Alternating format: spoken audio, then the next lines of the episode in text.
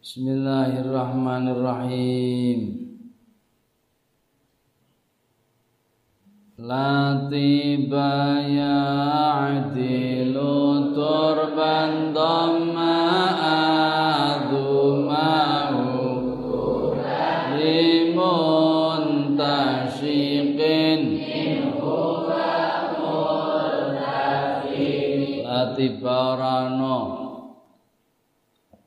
wangi-wangian. Ora ana yang dilukang. Madani apa tip turban ing tanah.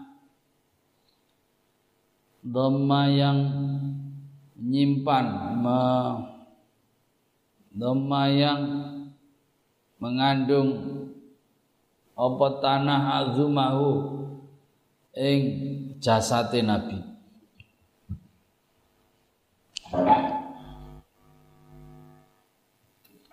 Latiba ora ana wangi-wangian sama sekali ya dilukang madani apa tip turban ing tanah dhamma yang menyimpan apa tanah azumahu ing jasate nabi.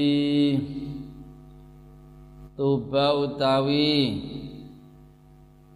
tuba utawi keapian keuntungan iku limuntasyikin kanggone wong sing menghirup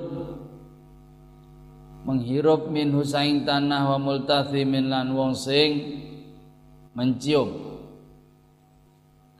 Tuba utawi keapian utawi keuntungan iku limun tasyikin kanggo wong sing menghirup minhu sangking turban wa multathimin lan wong sing mencium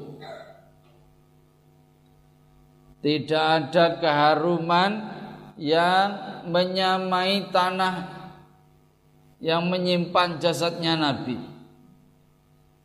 Tidak ada tanah sing luwih apik timbangane tanah Madinah yang di situ ada jasadnya Nabi. Beruntunglah orang yang mampu menghirup dan menciumnya.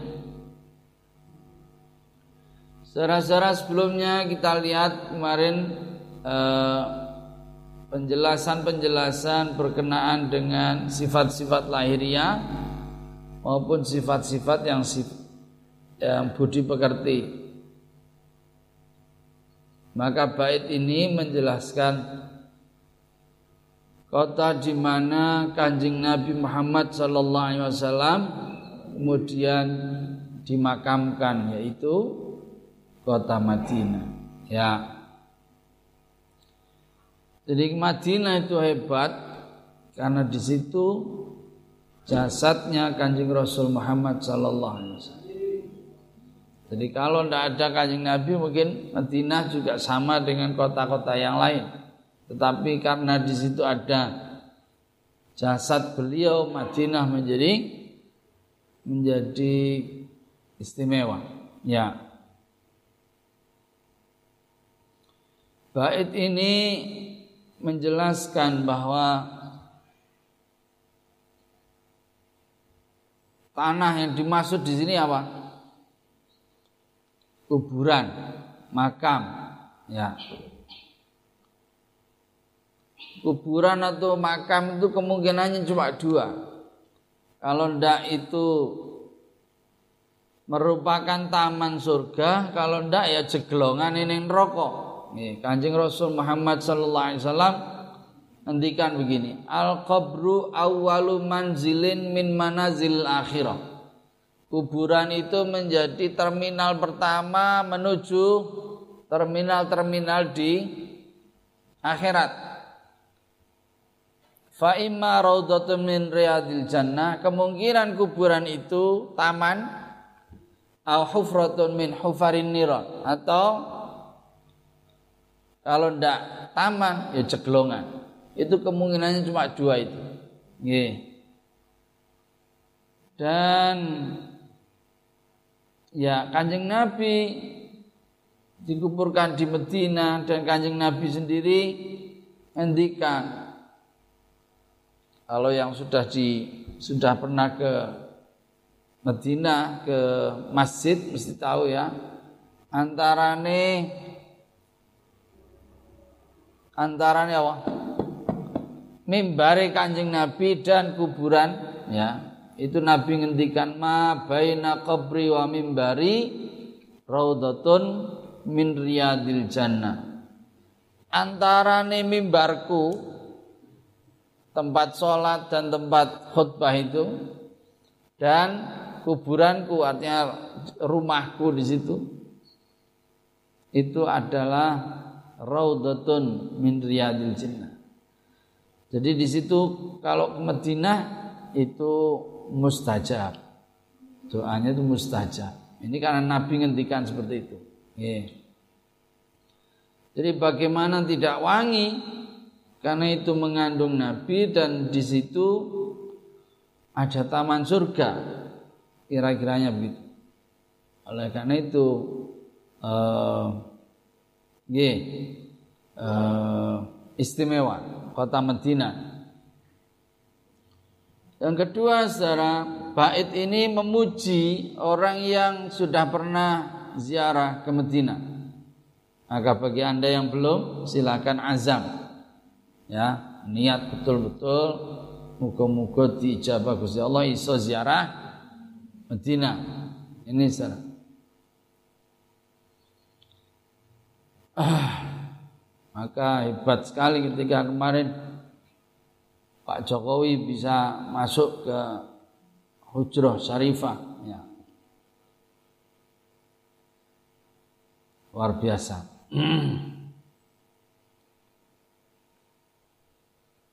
ya kepilih lagi masuk nggak kepilih lagi masuk istri jelas kepilih lagi ya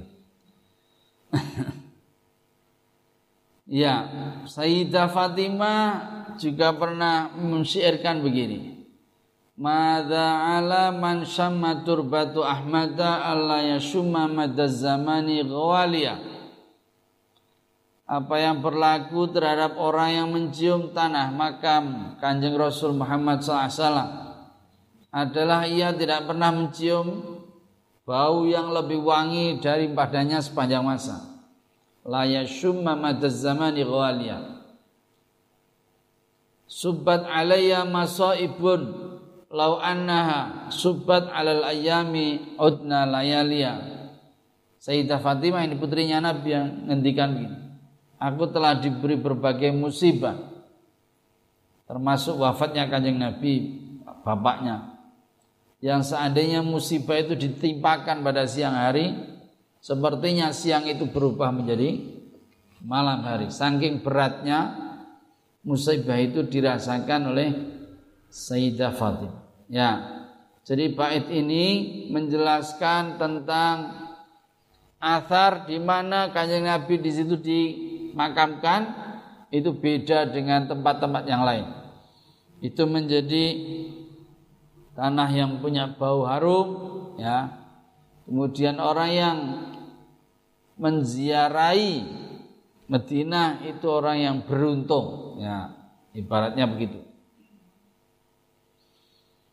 dan Medina secara-secara meskipun bukan tanah kelahiran Kanjeng Rasul Muhammad sallallahu alaihi wasallam tapi beliau berdoa supaya beliau diberi anugerah bisa mencintai Madinah sebagaimana beliau mencintai Makkah. Ini kan Nabi. Ya Allah berikan saya anugerahkanlah saya cinta kepada Madinah sebagaimana engkau menganugerahkan saya cinta kepada kota Makkah. Ini Medina. Al-Faslur Rabi'u fasal yang keempat iku fi maulidin Nabi sallallahu alaihi wasallam. Ing dalem mangsuk masa kelahiran Kanjeng Nabi. Pasal tentang maulid Nabi. Abana mauliduhu antibi Yati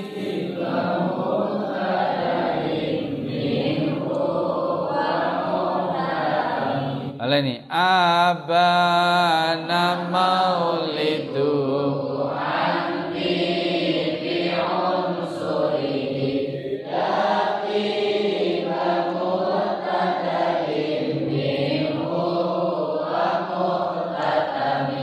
Abana wis ngetokke apa maulidu? Menjelaskan menampakkan memperlihatkan apa maulidu maulite mongso kelairane nabi anti biunsuri saking apike asal usule nabi.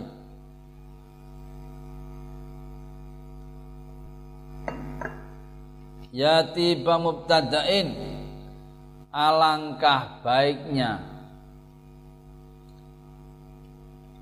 Alangkah alangkah baiknya permulaane min husain nabi wa muhtatamin dan penutupnya.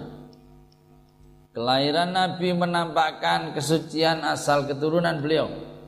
Alangkah baiknya permulaan dan penutupnya. Ye, jelas hadis ini apa? Bait ini memulai penjelasan tentang masa kelahiran Kanjeng Rasul Muhammad sallallahu alaihi wasallam. Yang pertama Kanjeng Nabi lahir pada Senin pagi ya muttafaq alaih. Senin pagi sepakat semua. Demikian juga Nabi lahir di tahun gajah sepakat semua.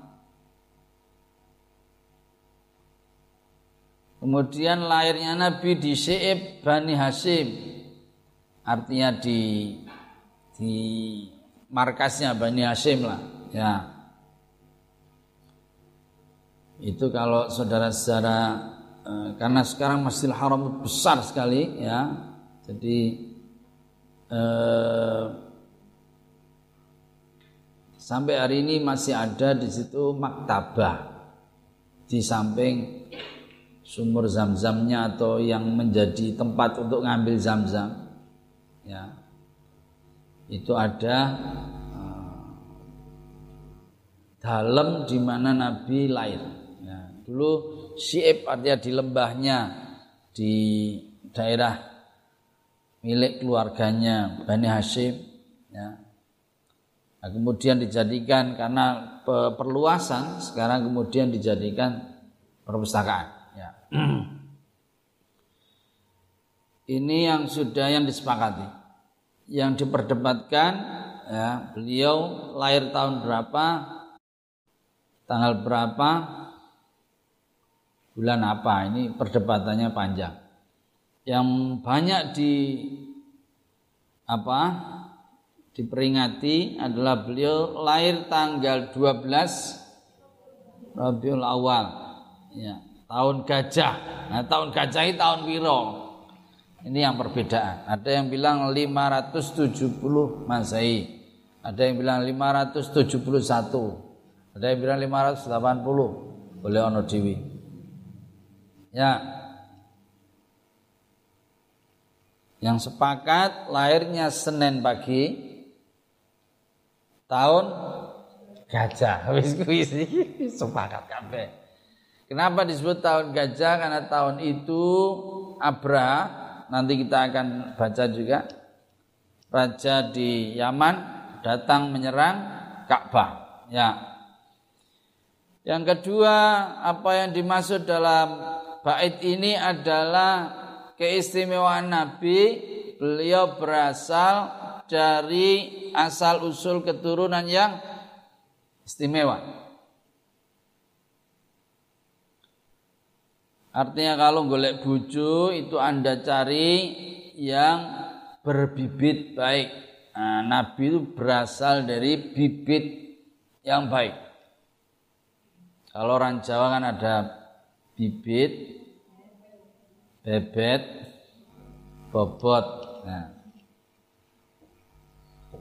bibit ini mesti keturunan wong ape ya, tegese wong sing jelas ya. Bobot kuwi maksudnya orangnya itu orang kok lemu maksudnya. bobot masih orangnya itu ya, punya prestasi ya punya kemampuan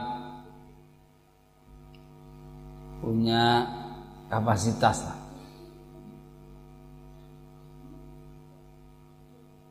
Bebet itu artinya ya dia punya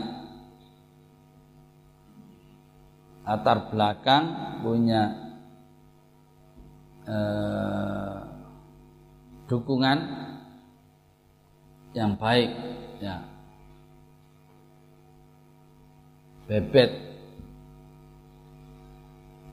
Lah kanjeng Nabi ini bibitnya saya ya karena beliau keturunan dari kanjeng Nabi Ismail alaihissalam. Ya dimulai dari atasnya ya mulai dari kanjeng Nabi Adam sampai kanjeng Nabi semuanya uh, muslim mukmin tidak ada yang uh, musyrik ya semuanya mukmin ya jadi kalau ada orang menganggap orang tuanya Nabi ini bermasalah, yang bermasalah itu Anda yang punya anggapan seperti itu.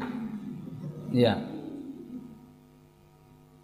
Ada banyak sekali kitab yang menjelaskan uh, tentang kemurnian nasabe Kanjeng Rasul Muhammad sallallahu alaihi wasallam. Dan secara kasat mata saja nggak usah di angel-angel kok bisa punya anak seperti itu? Itu kalau tidak atasannya itu baik tidak ada.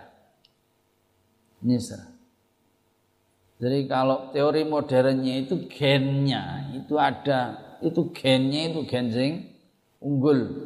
Ya. Ini. Gennya bukan bukan otok-otok ini serius. Bapak beliau adalah Bapak Abdullah bin Abdul Muttalib bin Hashim bin Abdin Manaf bin Qusay bin Kilab bin Murrah bin Ka'ab seterusnya sampai kanjeng Nabi Ismail. Ibu beliau Sayyidah Aminah binti Wahab binti Abdi Manaf bin Zuhra bin Kilab bin Murrah. Jadi eh, tidak ada apa namanya eh, masalah dengan nasabe kanjeng ya. Ini yang dimaksud yatiba mubtadain wa. Kalau dalam kitab-kitab Tabarakal munzilulil furqani ala nabiyyi atiril ardani. Atiril ardani apa? Wangi. Wangi ambuni, mesti ambuni ah wangi bebete, wangi bibite. Dari atas sampai bapak ibunya Kanjeng Nabi. Nggih. Yaumun tafarrasa fih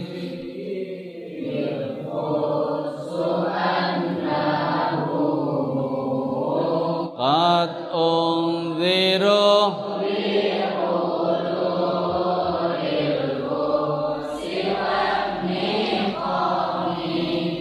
Yaumun I utawi dina iku tafarrasa berfirasat fihi ing dalam dina sapa al fursu bangsa Persi. Annahum ing sak temene al fursu iku qad unziru. Teman di warning sapa ufurs diperingatkan sapa al fursu bihululil buksi kelawan tekane bencana. Wan niqami lan malapetaka.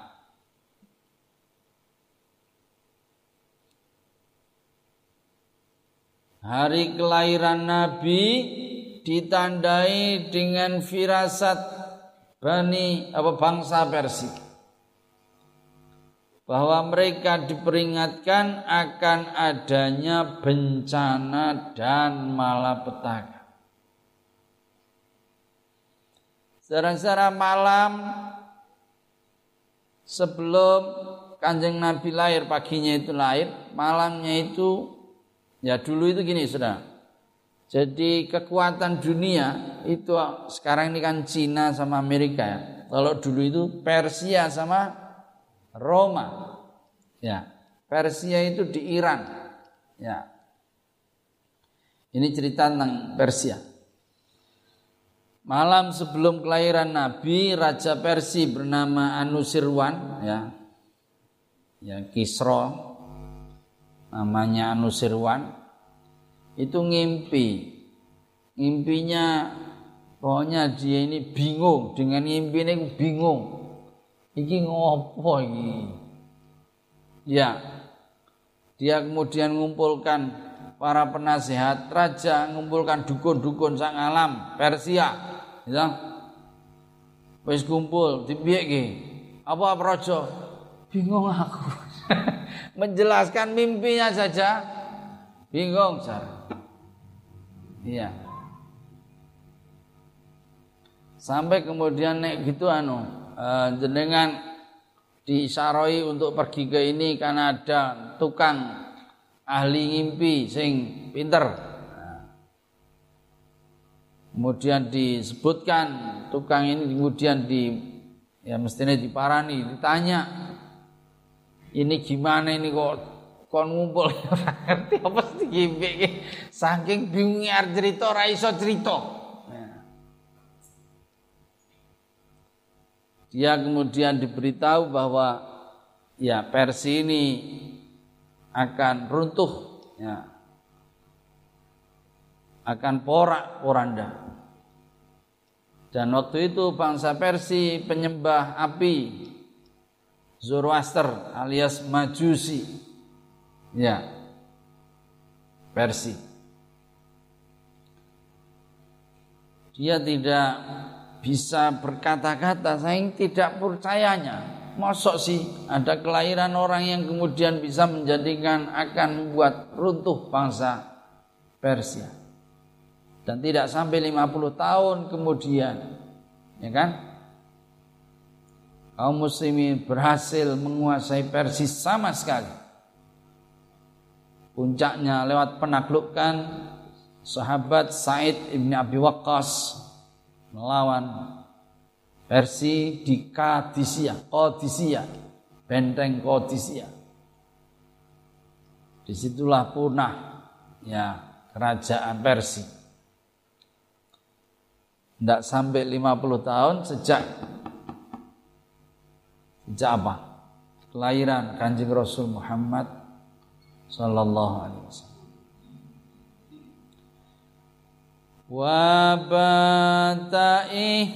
Aida wa munsadi'un kasyam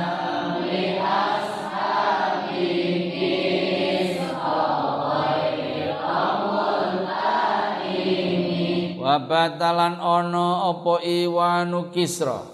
Bata itu ada tapi waktunya sore malam. Wabatalan ono opo iwanu kisro. Singasana kisra. Kisro itu rojo Persi. Kisro itu julukan, lakop.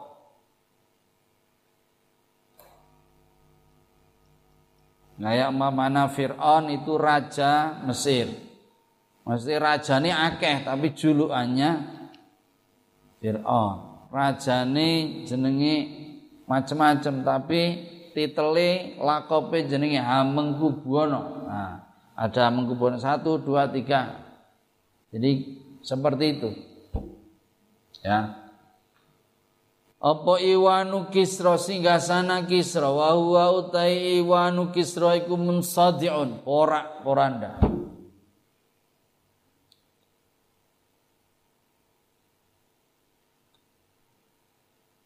Iku kasamli ashabi Kisra. Kaya.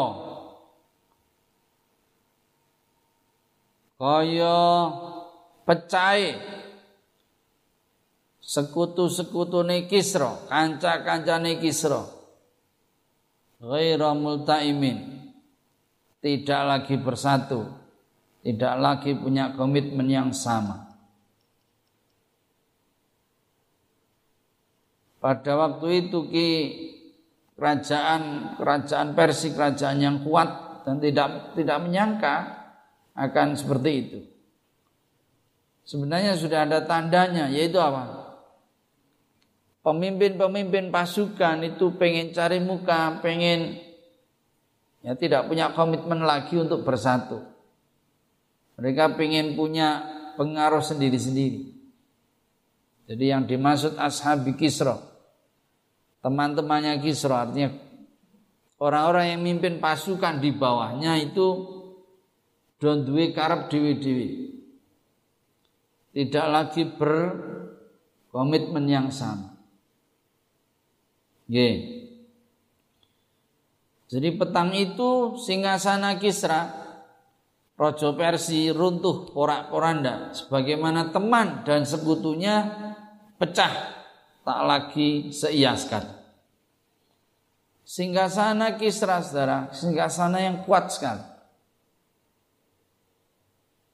Sudah diduduki 20 tahun lebih, karena itu saking besarnya dia mengadain ke rapat apa di situ, mimpin rapat, mimpin apa, jadi tidak menyangka sama sekali itu bisa runtuh. Saking kuatnya. Ya. Bahkan Al-Kisah ketika Khalifah Harun Al-Rasyid pengen membongkar itu sesudah beberapa tahun kan mestinya. Ratusan tahun kemudian pengen membongkar ini singgah sana ini nggak bisa karena Beliau ngira ini mesti nengi sore ono duit akeh. Ono simpenan akeh. Bongkar wae ben ono apa-apa dia. Enggak bisa. Tapi sewaktu ya sewaktu kelahiran Nabi singgah sananya itu pecah porak ponda. Artinya dari 24 tiang sekitar 14 tiang jatuh Ya, artinya sudah tidak lagi utuh. Ya. Padahal tidak ada tanda apa-apa. Kok bisa? Kasyamli ashabi kisro ghaira multaimin. Ini ibaratnya juga tanda-tanda dari komandan-komandan pasukan Kisro yang sudah tidak seia sekata. Wanaruh anfasimin asafin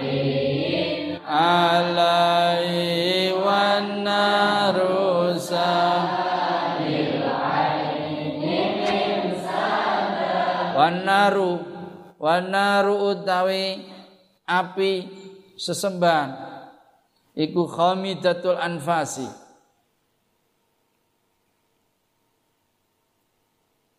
Uh, putus nafasnya artinya mati. Khomidah itu artinya putus anfas itu jamak dari nafas. Nafasnya berhenti. Iku khomidatul anfasi nafasnya berhenti min asafin songko penyesalan. Alaihi ingatasing kelahiran kanjeng Nabi sebab kelahiran Nabi. Wa nahru utawi sungai Ifrat yang membelah kota Baghdad. Iku sahil iku sahil menjadi sahi artinya apa? lupa. Al ain mata airnya. Mata airnya lupa artinya mengal, sudah tidak mengalir lagi. Sudah berhenti mengalir. Airnya min sadamin sebab duka. Min sadamin sebab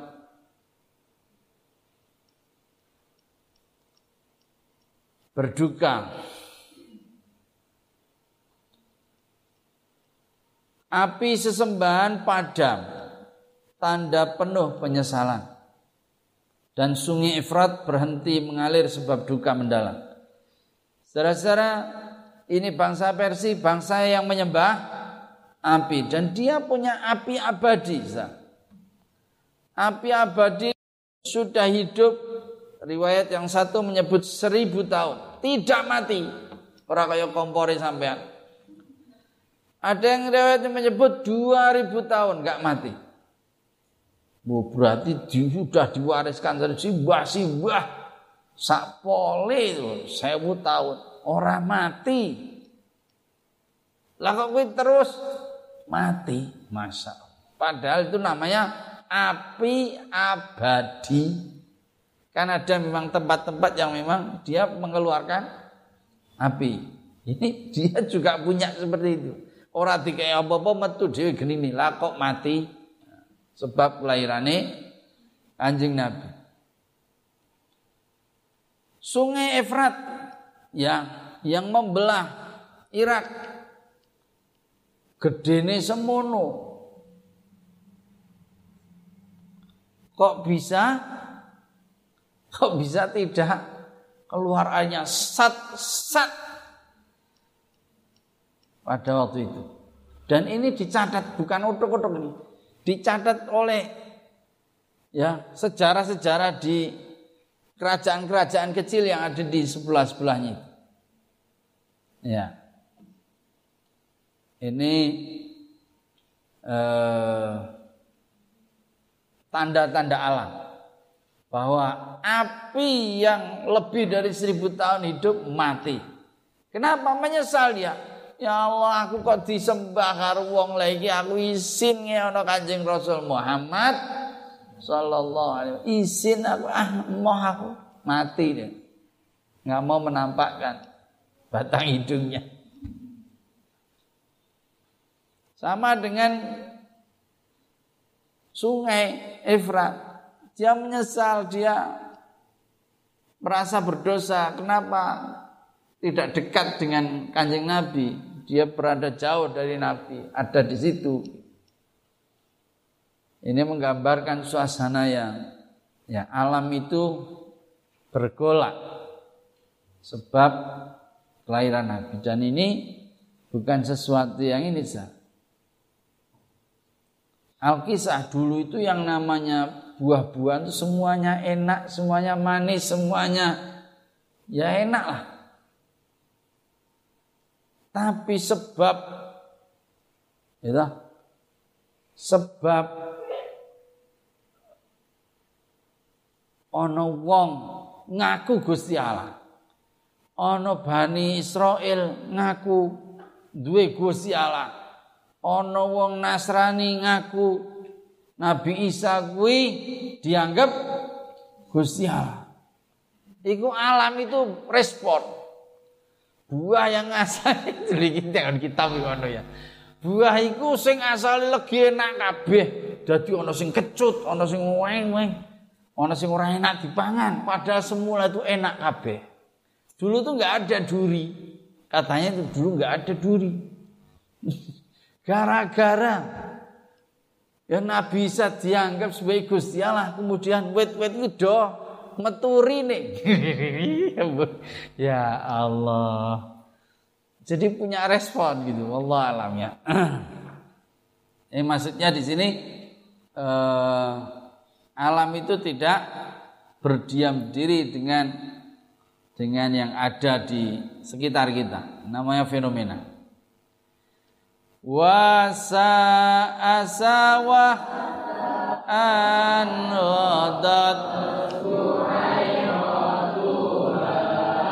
warud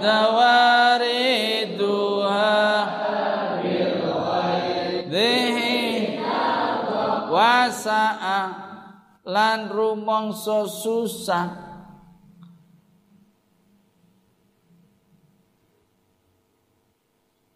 Wasa'alan ya nyusahke sawah ing kota sawah, mesti penduduk kota sawah. Kota besar di situ. Di Persi, apa an ghadat ento susut apa buhairatuha danau ne sawah. Danau yang ada di tepi sawah. Sawah ini maksudnya nama ya. susut banyune waruddalan dibalik ke apa waridu wong sing nekani dano tadi? Bil ghaidhi kelawan nesu. Bil ghaidhi kelawan marah.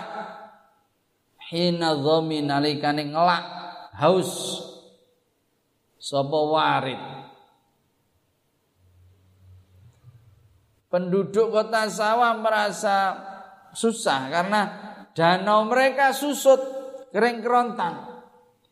Orang yang mendatanginya harus kembali dengan perasaan geram karena kehausan.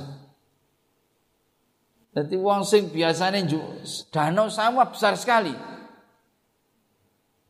Ininya lebih 6 6 mili Ya, apa? 6 mili. Oh, 6 mili apa sih? Hah? Mil kok mili? 6 mil luasnya 6 mil, panjangnya luas uh, eh, 6 mil. Jadi bodene pol, ya. Perahu-perahu langsung dorana banyune isit kering kerontang. Ya Allah.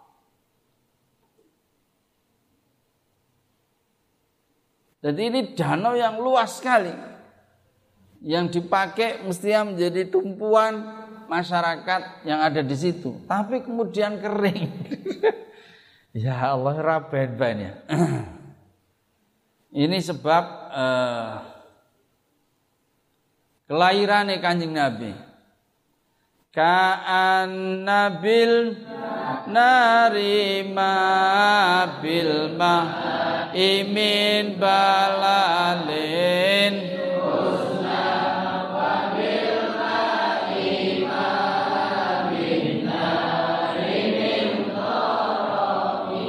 Ka'ana binari kaya-kaya ing dalam api. Ka'ana binari kaya-kaya iku ing dalam api. Isime ka'ana. Apa khabare ka'ana? Ma ada sesuatu bil ma'i yang ada di air mimbalalin dari teles teles basah huznan krono susah wabil mai sebaliknya di air. Iku di air ma ada sesuatu binari yang ada di api. Min doromin dari menyala-nyala.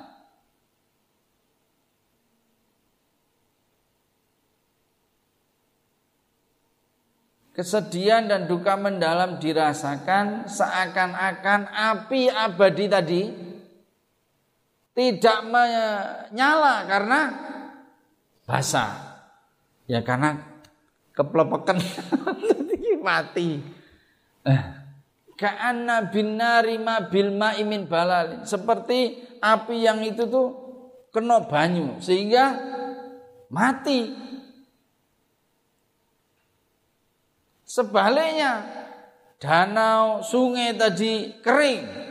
Sebab apa?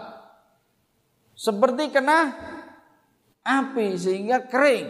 Ya Sesuatu dipanasi tadi kering ya. Saman kalau